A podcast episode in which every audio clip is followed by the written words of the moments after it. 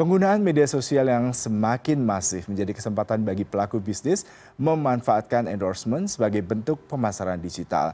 Perhatikan serba-serbi endorsement berikut ini agar promosi produk dan jasa lancar dan mampu meningkatkan penjualan.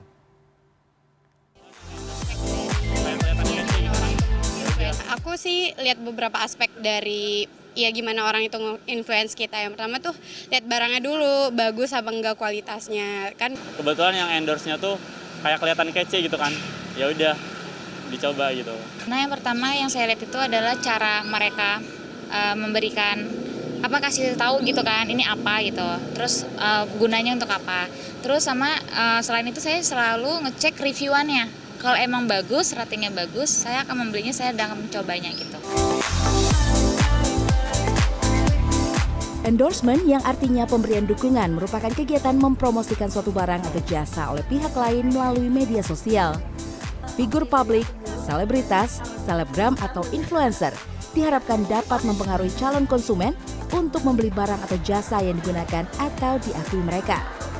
Endorsement dapat dilakukan dengan sistem berbayar maupun tidak berbayar sesuai dengan kesepakatan.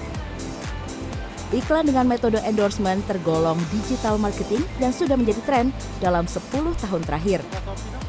Pengamat pemasaran Hermawan Kartajaya mengatakan, perilaku berbelanja seseorang dinamis sehingga perlu dipahami konsep marketing 5A, yaitu awareness, appeal, ask, act, dan advocate.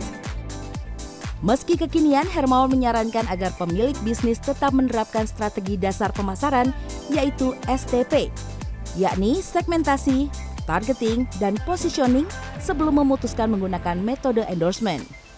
Karena selain mahal, promosi endorsement membuat kompetisi menjadi tidak terbatas dengan merek serupa.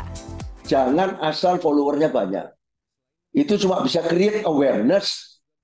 Dan awareness itu A1 itu tidak akan jalan ke AA berikutnya kalau dia tidak menghasilkan appealing. Appealing itu kan menarik. Menarik itu dari apa? Targetnya cocok, positioningnya cocok, STP-nya cocok. Kalau STP-nya cocok, otomatis orang itu akan lebih efektif kampanyenya. Betul nggak? Sampai ek, sampai beli atau bahkan lebih hebat lagi, bukan beli tok, tapi ikut mengendorse lagi. Sebelum menerapkan endorsement, ada sejumlah faktor yang harus diperhatikan agar promosi lancar dan penjualan meningkat. Pertama, Pilih sosok yang sesuai dengan pangsa pasar produk atau jasa Anda.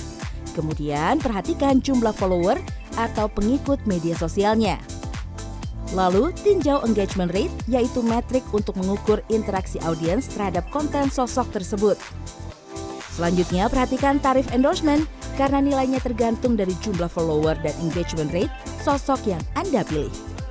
Kemudian, sesuaikan anggaran yang dimiliki dengan target yang ingin dicapai bisnis Anda. Desi Aritonang, Wahyu Ramadan, Jakarta.